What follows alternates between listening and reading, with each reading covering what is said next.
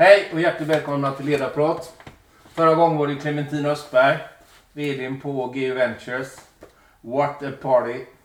Det var väldigt roligt. Tack alla ni som har skrivit in och, eh, på social media och checkat in och ställt frågor. Och, eh, Lova har varit fullbokad sedan dess. Själv skriver jag ut inte som ni vet. Men eh, idag mina vänner så eh, tänkte jag så här. Det är ju faktiskt oktober. Och oktober är ju skördetid. Så här har jag plockat i trädgården äpplen igår. Och det är från sorten Fredrik. Jag är inte sponsrad utav någon eh, växttillverkare. Men väldigt gott äpple i alla fall Fredrik. Och eh, då har jag fått eh, hit Lars Hellberg. Lars och jag har känt varandra faktiskt nästan 40 år. Men det här är första gången som vi sitter tillsammans i ett sånt här officiellt sammanhang.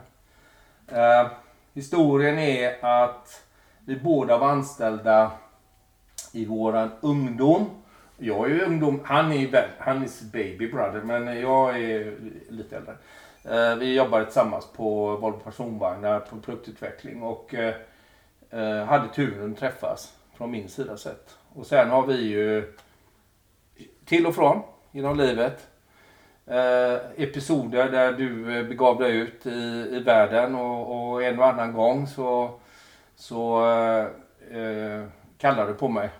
Och jag kan berätta för er det här med, jag har ju inte sagt i klartext men vi pratar om det här med att eh, reparera relationer och när det har gått åt pipan på något sätt. Och en gång när Lars var boss i eh, Volvo Holland så hade han eh, kallat ner mig för att jag skulle hålla något föredrag. Och jag fick en sån total blackout.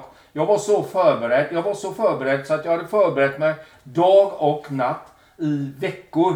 Och sen så skulle jag hålla mitt föredrag. Och det kom ut eh, liksom, ja min mamma heter Ulla. Alltså det var god dag yxskaft. Total katastrof. Och Lars Lugn, ni ser ju på honom, han är lugn. Säger att, ja då tar vi kaffe då. Och alla andra satt ju där med kaffemuggar i, i händerna och undrade, jaha, men har chefen sagt att vi ska dricka kaffe, då dricker vi kaffe. Och så gjorde vi det. Och sen så eh, kom jag tillbaka och hjälpligt fick jag ihop det. Och, och sen eh, när jag åkte från Holland hem till Sverige så tänkte jag det, det här gick inte så bra. Och det gjorde ju inte heller för att jag fick ju inget jobb. Men vi har ju jobbat många, många, många gånger tillsammans efter det Lars. Ja. Men eh, eh, skördetid, det är ju mitt i livet. Absolut. Kort. Berätta om din resa. Ja, som du sa, vi träffades för 40 år sedan. Då, då hade man precis börjat på Volvo. Som en ung ingenjör. Då tänkte jag att jag skulle börja där några år och jobba och sen fortsätta in i Chalmers. Men jag eh, hamnade rätt plats, rätt tidpunkt, hade tur. Så jag hamnade liksom redan i en eh, grupp som eh, utvecklade framtidens motorer och drivlinor. Advanced Engineering som det hette. Och där blev jag kvar några år. Och det var ju därefter vi träffades Ja. när Volvo och Renault skulle gifta sig. Ja. Och det var ju där du och jag gemensamt åkte ner till Paris. Kommer du ihåg det? Just det. För att då skulle vi egentligen eh, vara med och ta Renault-motorer in i Volvo-bilar. Ja. Och det hela slutade med att vi åkte hem och Volvo utvecklade istället en motor för Renault-bilar.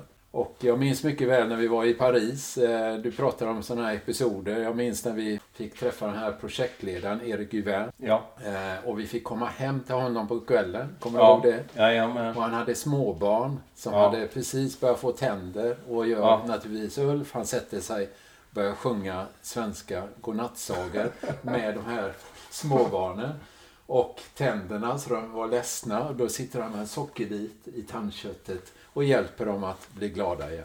Ja. Det är en sån här typisk eh, episod man kommer ihåg. Och vet du vad? Kom du ihåg? Vi hade ju mörka kostymer. Ja. Vi, vi flyttades ju till något hotell där och, och det skulle vara lite närmare där Erik bodde. Vi hade klätt upp oss väldigt fint Ja. och han öppnade i mjukisbyxor och collegetröja. För vi hade ju inte fattat att i Frankrike, när, det, när man alltså... Här i Sverige när man blir hembjuden till någon, då klär man ju upp sig lite grann. Medan i Frankrike, man verkligen blir hembjuden till någon, då är du en vän och då är du, kan du vara klädd liksom i gympabrallor och ja, det, är- det är inte så högtidligt. Men då gällde det att vara snabb, så jag och Lars vi kastade av slipsarna och ja, du vet, och fick ihop någon story där att, att, att, eh, att, att våran chef är tysk och det var så strikt allting och vi har kvällsmöte. Och vi, men vi klarade av det. Vi och vi fick en fantastisk fransk middag. Ja, oj, oj, oj. Som var helt sagorik Ja. naturligtvis. Ja, så är det. Så där var vi några år och jo- jobbade med detta. Mm. Sen efter det, som du sa, så fortsatte jag in i Holland. Mm. När Volvo då eh, skapade ett samarbete med Mitsubishi. Mm. Och utvecklade den lilla bilen som den hette. Volvo S40 V40. Mm. Och där var jag sammanlagt i åtta år. I Du början, blev verkställande direktör där. Du var... när jag var general manager General Volvo-strukturen Ja. de sista åren. Ja. Och därefter så kom jag in på marketing och sales. ja. Och eh, slutade med att jag flyttade tillbaka till, till Sverige då. Och jobbade med, eh, det heter då Global Sales kan du säga. Mm.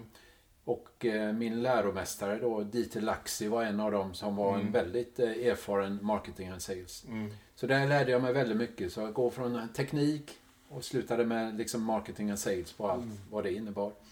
Därefter fortsatte jag resan in i Saab, som många Ja. andra. Saab Automotive hade ju då fått mycket medel att utveckla framtidens bilar. Mm. Och eh, där jobbar jag i ledningen då med, med eh, kundtillfredsställelse och kvalitet.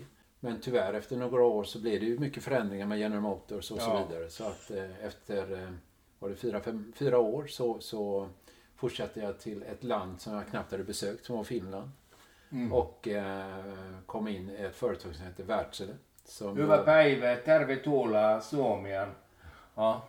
Och där eh, var det att utveckla framtidens eh, dieselmotorer, jobba med hela tillverkningsstrukturen och inköp. Så där satt jag i ledning på Wärtsilä då under eh, nio år. Och det var ju en jättespännande resa. För det var ju då som företaget egentligen tog expansionen in i Asien. Så vi byggde ju fem fabriker i Kina, vi var i Korea, vi var i Brasilien till och med under, den perioden, Ryssland och, och så vidare. Så att det var ju bara expansion och det var ju på den tiden företaget fördubblade sin omsättning och så vidare. Men, men jag minns... Jättespännande. eh, Och där började vi ju samarbeta mer Ja. intensivt. Så att du börjar ju att verkligen forma framtidens ledare får vi säga på Wärtsilä. Och, och, och inte bara ledare utan liksom ingenjörer och så vidare. Så att du Mm. körde ju ett massivt, om man säger, och så ska vi säga utve utvecklingsprogram Ja, för ju- människor. ja, ju- Från högre ledning till, Ja. till Ja. också det som är lika viktigt. Det är ju Ja. liksom eh, ingenjörer och så vidare. Jag kommer ihåg det Lars när, när jag fick förmånen att komma och arbeta med mentoring och coaching. Jag hade, jag, jag, nu, nu är jag inte riktigt säker, det får man nästan kolla med HR på men, men jag säger någonstans mellan 50 och 80 personer. Ja, tror jag. jag- jag skulle säga 100 till och med, men, 100, eh, ja, Men det var väldigt många under de här åren. Och du var ju där fem sex år tror jag. sju. Sju till och med. Ja, Ja. eller mer. Ja. Men, men jag kan ju bara säga det att jag, jag kommer ihåg när, när eh, i Vasa, eh, den här fabriken Mm. som, som byggdes. En Mm. helt ny fabrik ifrån grunden, allting. Och, när, och, det, och dessa enorma eh, maskiner som byggdes där inne. Mm. Alltså eh, 20-30 ton eller mer. va Mm.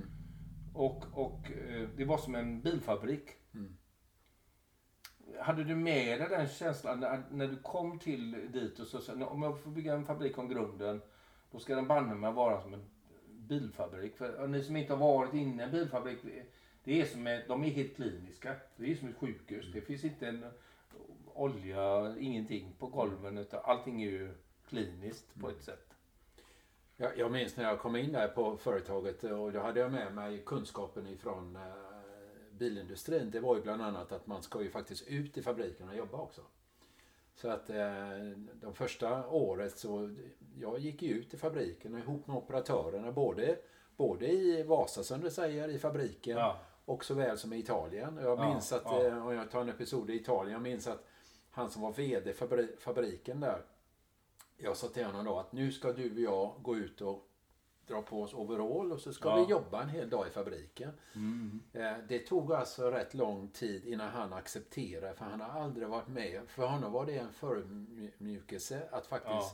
sätta på sig overallen och gå ut och jobba i fabriken. Ja. Men det gjorde han och det blev ju en succé i Italien.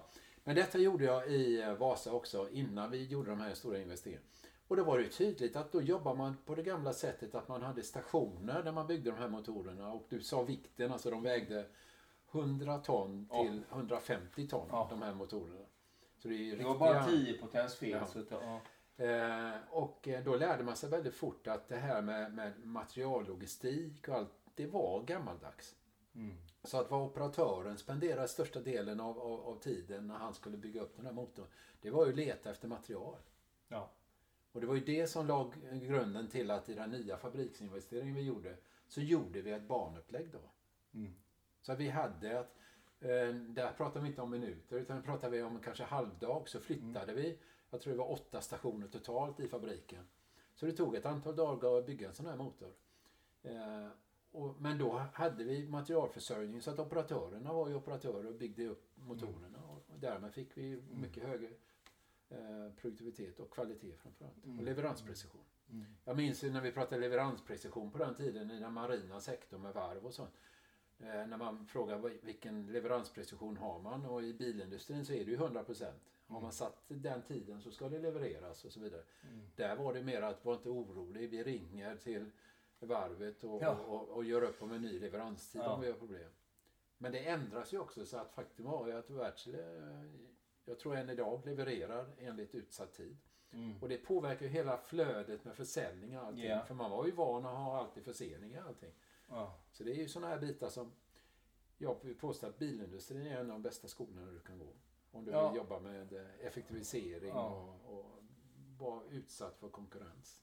Ja, det var, ju, det var ju någon, eh, det var någon romantiker som sa till mig vid tillfälle så ja du vet man skulle ju ha bygga som en Volvo Amazon och är liksom den typen av bil. Och så sa jag att jag tror att det arbetade 50 och 60 personer på de svetsade ihop karosser och man, man, eh, på den tiden och nu är det väl 3-4 personer och resten är Mm. robotar och det är Ja. klart att Eh, skulle du göra en, en bil på gamla sättet så, så skulle den kosta kanske 10 gånger mer eller 100 gånger mer. Så att det, och sämre kvalitet. Mm. Så att det, var ju, det var ju en jätteviktig grej. Jag, jag tänker på en sak du berättade. Eller om, det var i Kina. Och där eh, du träffade en entreprenör där. Och eh, han hade väl köpt något eh, träskområde. Jag säger så. Ja, just det. det var, jag vet inte Ja. detta. Jag har inte varit där själv. Men han byggde eh, ett enormt skeppsvarv. Ja. Och eh, under tiden han byggde upp sin verksamhet så producerade han fartyg. Ja. Eh, Men detta, är, ju- det, det var ju, detta var ju typ två... För mig, jag började resa på Kina 2004. Och Ja. det har hänt mycket innan dess också. Men det var ju då som väldigt mycket investeringar ägde rum Mm. i Kina. Vi kan ju bara ta bilfabrikerna. Mm. Det var ju egentligen då den stora industriexpansionen Mm. började komma igång på allvar. Mm. Och som du säger, man träffar ju mycket av de här entreprenörerna. För det första var det ju väldigt tydligt att eh, när man skulle bygga en ny fabrik som vi var, gjorde och vi Mm. gjorde i samarbete också med olika varvsorganisationer i Kina och så vidare. Mm. Det skulle vara stort. Mm. Det skulle vara så stort. Och eh, vi byggde på ett antal ställen där det var Mm. typ man byggde båtar Ja. och man byggde då motorfabriker och Ja. allting. Och eh, på något vis så lyckas man alltid, de här entreprenörerna, få ihop det då. Så Ja. man hade inte en fullständig fabrik kanske, men som du sa, Nej. För att få kassaflödet att rulla lite grann. Ja. Så börjar man vid sidan om och bygga upp kanske båtar. De var inte de mest Ja. avancerade, men man fick igång verksamheten och man fick lite lönsamhet in Så man kan ju säga att, att din resa då, om man tänker gå tillbaka till Volvo och du var, går du ut på ett, ett äventyr eh, i Holland och så kom du upp till Saab och så jobbar du med kvalitet och, det, och sen Wärtsilä då som är, är väldigt anrikt företag. Så får du vara med om det mötet med de här superentreprenörerna som är eh, som gör det från grunden och så kommer du tillbaka och då kommer jag in på nästa fråga. Det, för du lämnar ju så småningom eh, Wärtsilä då. Ja, det gjorde jag 2013. Ja, Efter nio år, ja. ja. Och då, och då... Vad var det som drev dig då? Eh, Var det den här... För jag vet ju vad du gör idag, men det vet ju inte de. Ja. Så, men men var, det den entreprenöriella tanken som, som verkligen lockade dig? För, Jag tror att det, det var en, en av definitivt av orsakerna. Jag tror jag är lite sån här eh, inno, innovatör lite grann. Om vi går Mm. tillbaka till Volvo-tiden historiskt så, mm, så var jag med och utvecklade framtidens turboreglering som var elektronisk. Jag var med Mm. och utvecklade det som heter traction system som Mm. sitter standard i alla bilar idag. Mm. Volvo var ju de första som egentligen satte detta i Mm. serieproduktion. Mm. Eh, om man, jag, jag, jag är den enda, tror jag, än idag på Volvo-gruppen som har två gånger fått Volvo Technology Award. Eh, vi hade samma på Wärtsilä, att vi utvecklade den mest effektiva dieselmotorn som finns i världen. Mm. Eh, med hjälp av Volvo-kunskap men även av fantastiskt duktiga ingenjörer i, i Mm. Finland och Italien och överallt. Mm. Eh, och vad som hände 2013 var att ehm, eh, Kapman som är ett, eh, det största eh, private equity-bolaget i Finland Mm.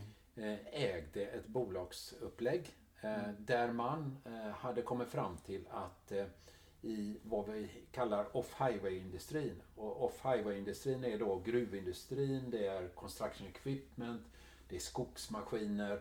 Det är alltså fordon som inte rullar på väg kan man säga. Okej. Eh, att den industrin eh, har inte på något sätt utvecklats i enlighet med bilindustrins nu, Nej, nej. säga arbetssätt och krav och så vidare. Mm. Eh, och eh, Kapman eh, ägde ett bolag som sedan eh, slogs ihop med andra bolag vid den här tidpunkten, 2012-2013. Och då satt jag i styrelsen på det bolaget. Och då fick jag frågan under 2013 om jag kunde tänka mig att ta ledarskapet för det bolag som heter Fortaco Group idag.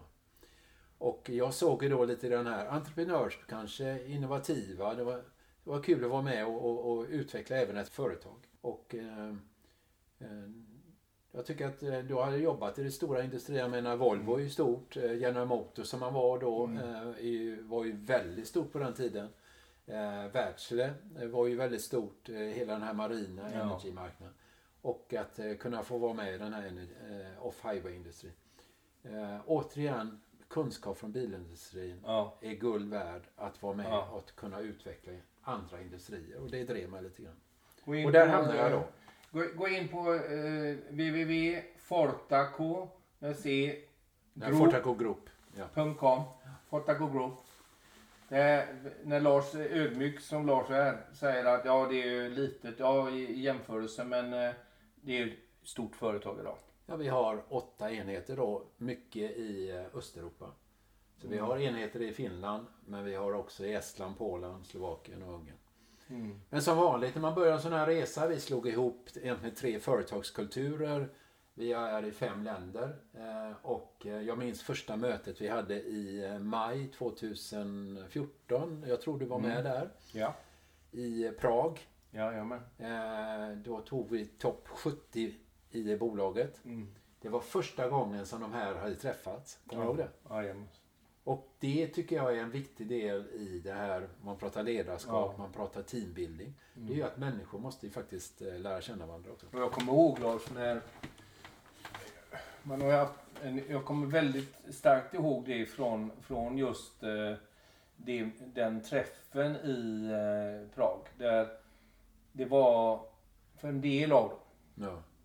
Inte, jag säger chock, säger jag inte, men det var definitivt en, ett väldigt utmanande möte. För det, det fanns ju inget krav på att man skulle vara transparent. Nej. Men ditt sätt att vara satte ju st- standarden för hur dialogen skulle föras. Att du eh, har ju ett väldigt transparent sätt att vara som ledare. Och, och det tar ju oss in nu. Nu är du ju fullt uppe i detta. Mm.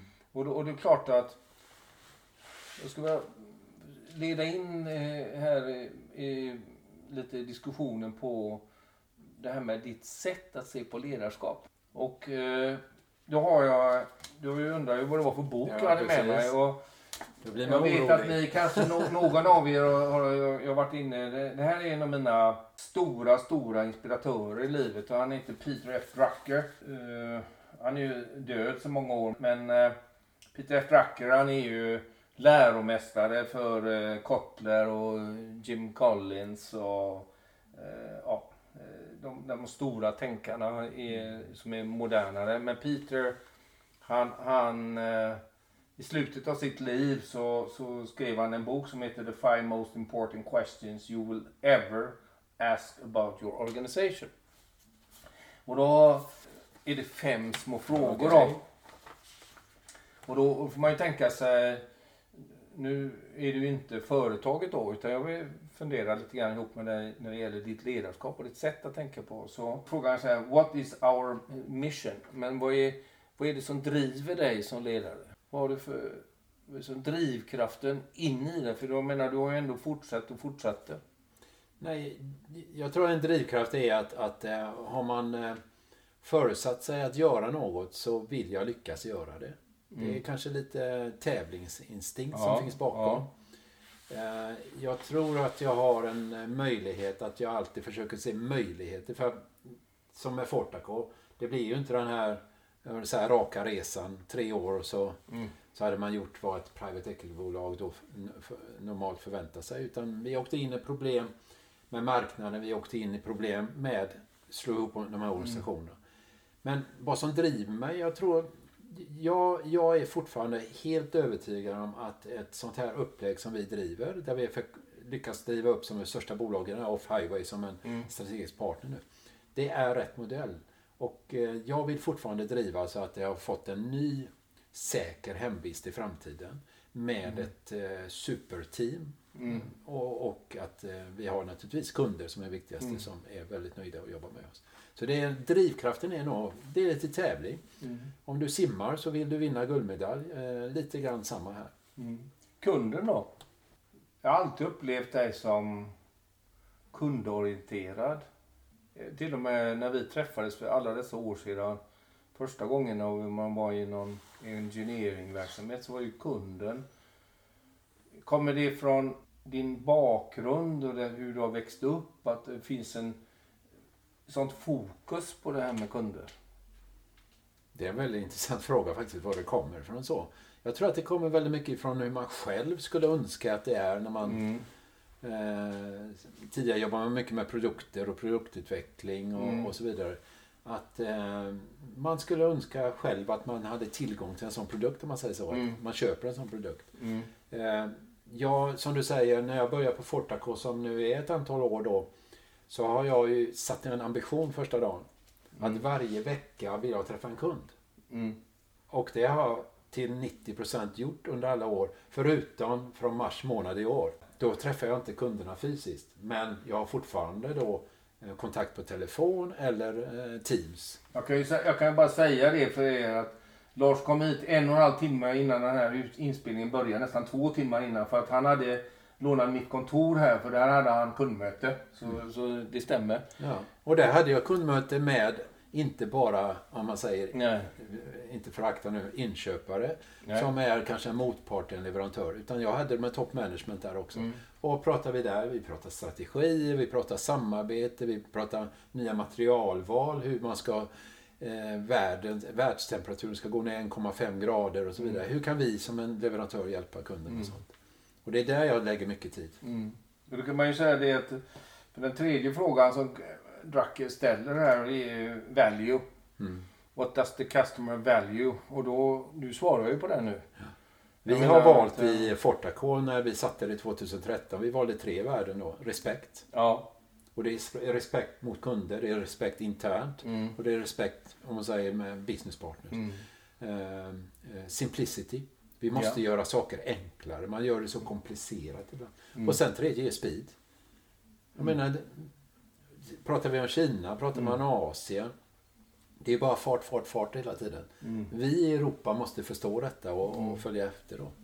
Så respekt, simplicity and speed satte vi. Han svarar på fyra utav fem. Det går, det går fortare än vad jag tänkt mig. Men nu har jag en sista här. Okej, nu blir det lurigt. Framtiden då?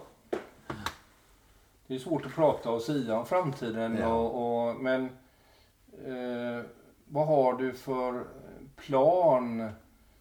Eh, i, nu, nu tänker jag återigen då på ditt ledarskap då. Och, och då säger att det här skulle jag vilja åstadkomma så som ledare. En dag när vi ännu mer han är ju inte grå, jag är grårig, jag vet, jag vet att jag är det. Men, men eh, när, när jag är totalt grårig så, så sitter vi som goda vänner eh, och dricker en kopp kaffe. Så vad, vad, vad har du för planer? Future. För, först och främst får man ju hoppas att man har hälsa med sig. Ja.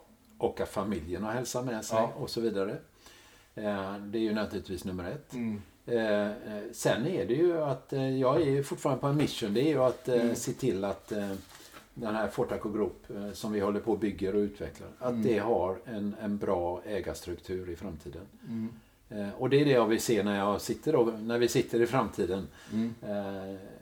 Och efter den här resan så eh, vi, vi har ju känt varandra i 40 år. Vi börjar ju bli också en ålder så man kanske inte kör ett fulltidsjobb längre. Mm. Men med, kanske tillsammans att man är ute och hjälper andra företag och, och så vidare.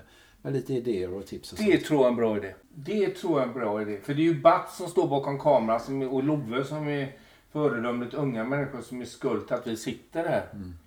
Själv börjar jag ju vänja mig nu men det är för... Jag tror att det du sa nu att det här att återinvestera föreslöst, prestigelöst, enkelt. Allt det du har sagt tidigare i den generation som är, är kommande och kör nu. Eh, utan att det behöver vara så pompöst. Ja, precis. Det, det tror jag på. Mm. Vi får Och, och livet är så. lärande. Livet Ja. är lärande. Ja, tiden rusar. Nu är det så här Lars. Det här är första gången jag gör reklam, eh, men eh, Gunnar Wetterberg, det är ju han, eh, våra vän i Fråga Lund och Gunnar, hej. Han har kommit ut med en bok nu. Gå och köp den här boken om ni är intresserade av det. Men när Gunnar har skrivit en bok, han har skrivit många böcker, men han har skrivit en bok som heter just Ingenjörerna. Okej. Och han har skrivit till dig här. Oj, oj, oj. Och eh, han har rekordåren. Det är Sverige när det tog eh, fart. Så att jag tänkte att du är en superentreprenör och en ingenjör. Så därför så skrev jag till Gunnar och han sitter ju i, Vetenskapsakademin och så vidare. Oj, oj, Så, beskrev jag dig Lars. Och då tyckte Gunnar att just det kapitlet ska du läsa. Så framtiden är det.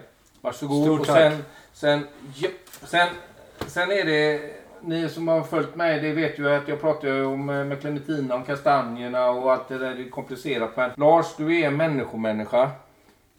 Och eh, lite hårt skal som vi människor har. Men i god jord så eh, blir det ett nytt och vackert träd. Det fantastiska med en kastanj är att det är en moder. Alla frukterna, alla kärnorna är olika. Jaha. Det finns icke, om du tar en hästkastanj som detta är. Ja. Och så tittar du på alla som ramlar alla de här spikfrukterna ner. Så går du och tittar på alla som är där. Alla de fröna som är där. De är olika. Och det tycker jag representerar ditt ledarskap och ditt tänkande. Respekten för individen och unicity. Så att eh, vänner. Lars Hellberg var min gäst idag och jätte, jätte, jätteroligt att du ville komma hit och ta min liksom, utmaning. Tack så mycket. Får du en sån med dig? Ha den i fickan. De åldras med eh, värdighet. Respekt. Med respekt. Ja, med respekt. Hej då!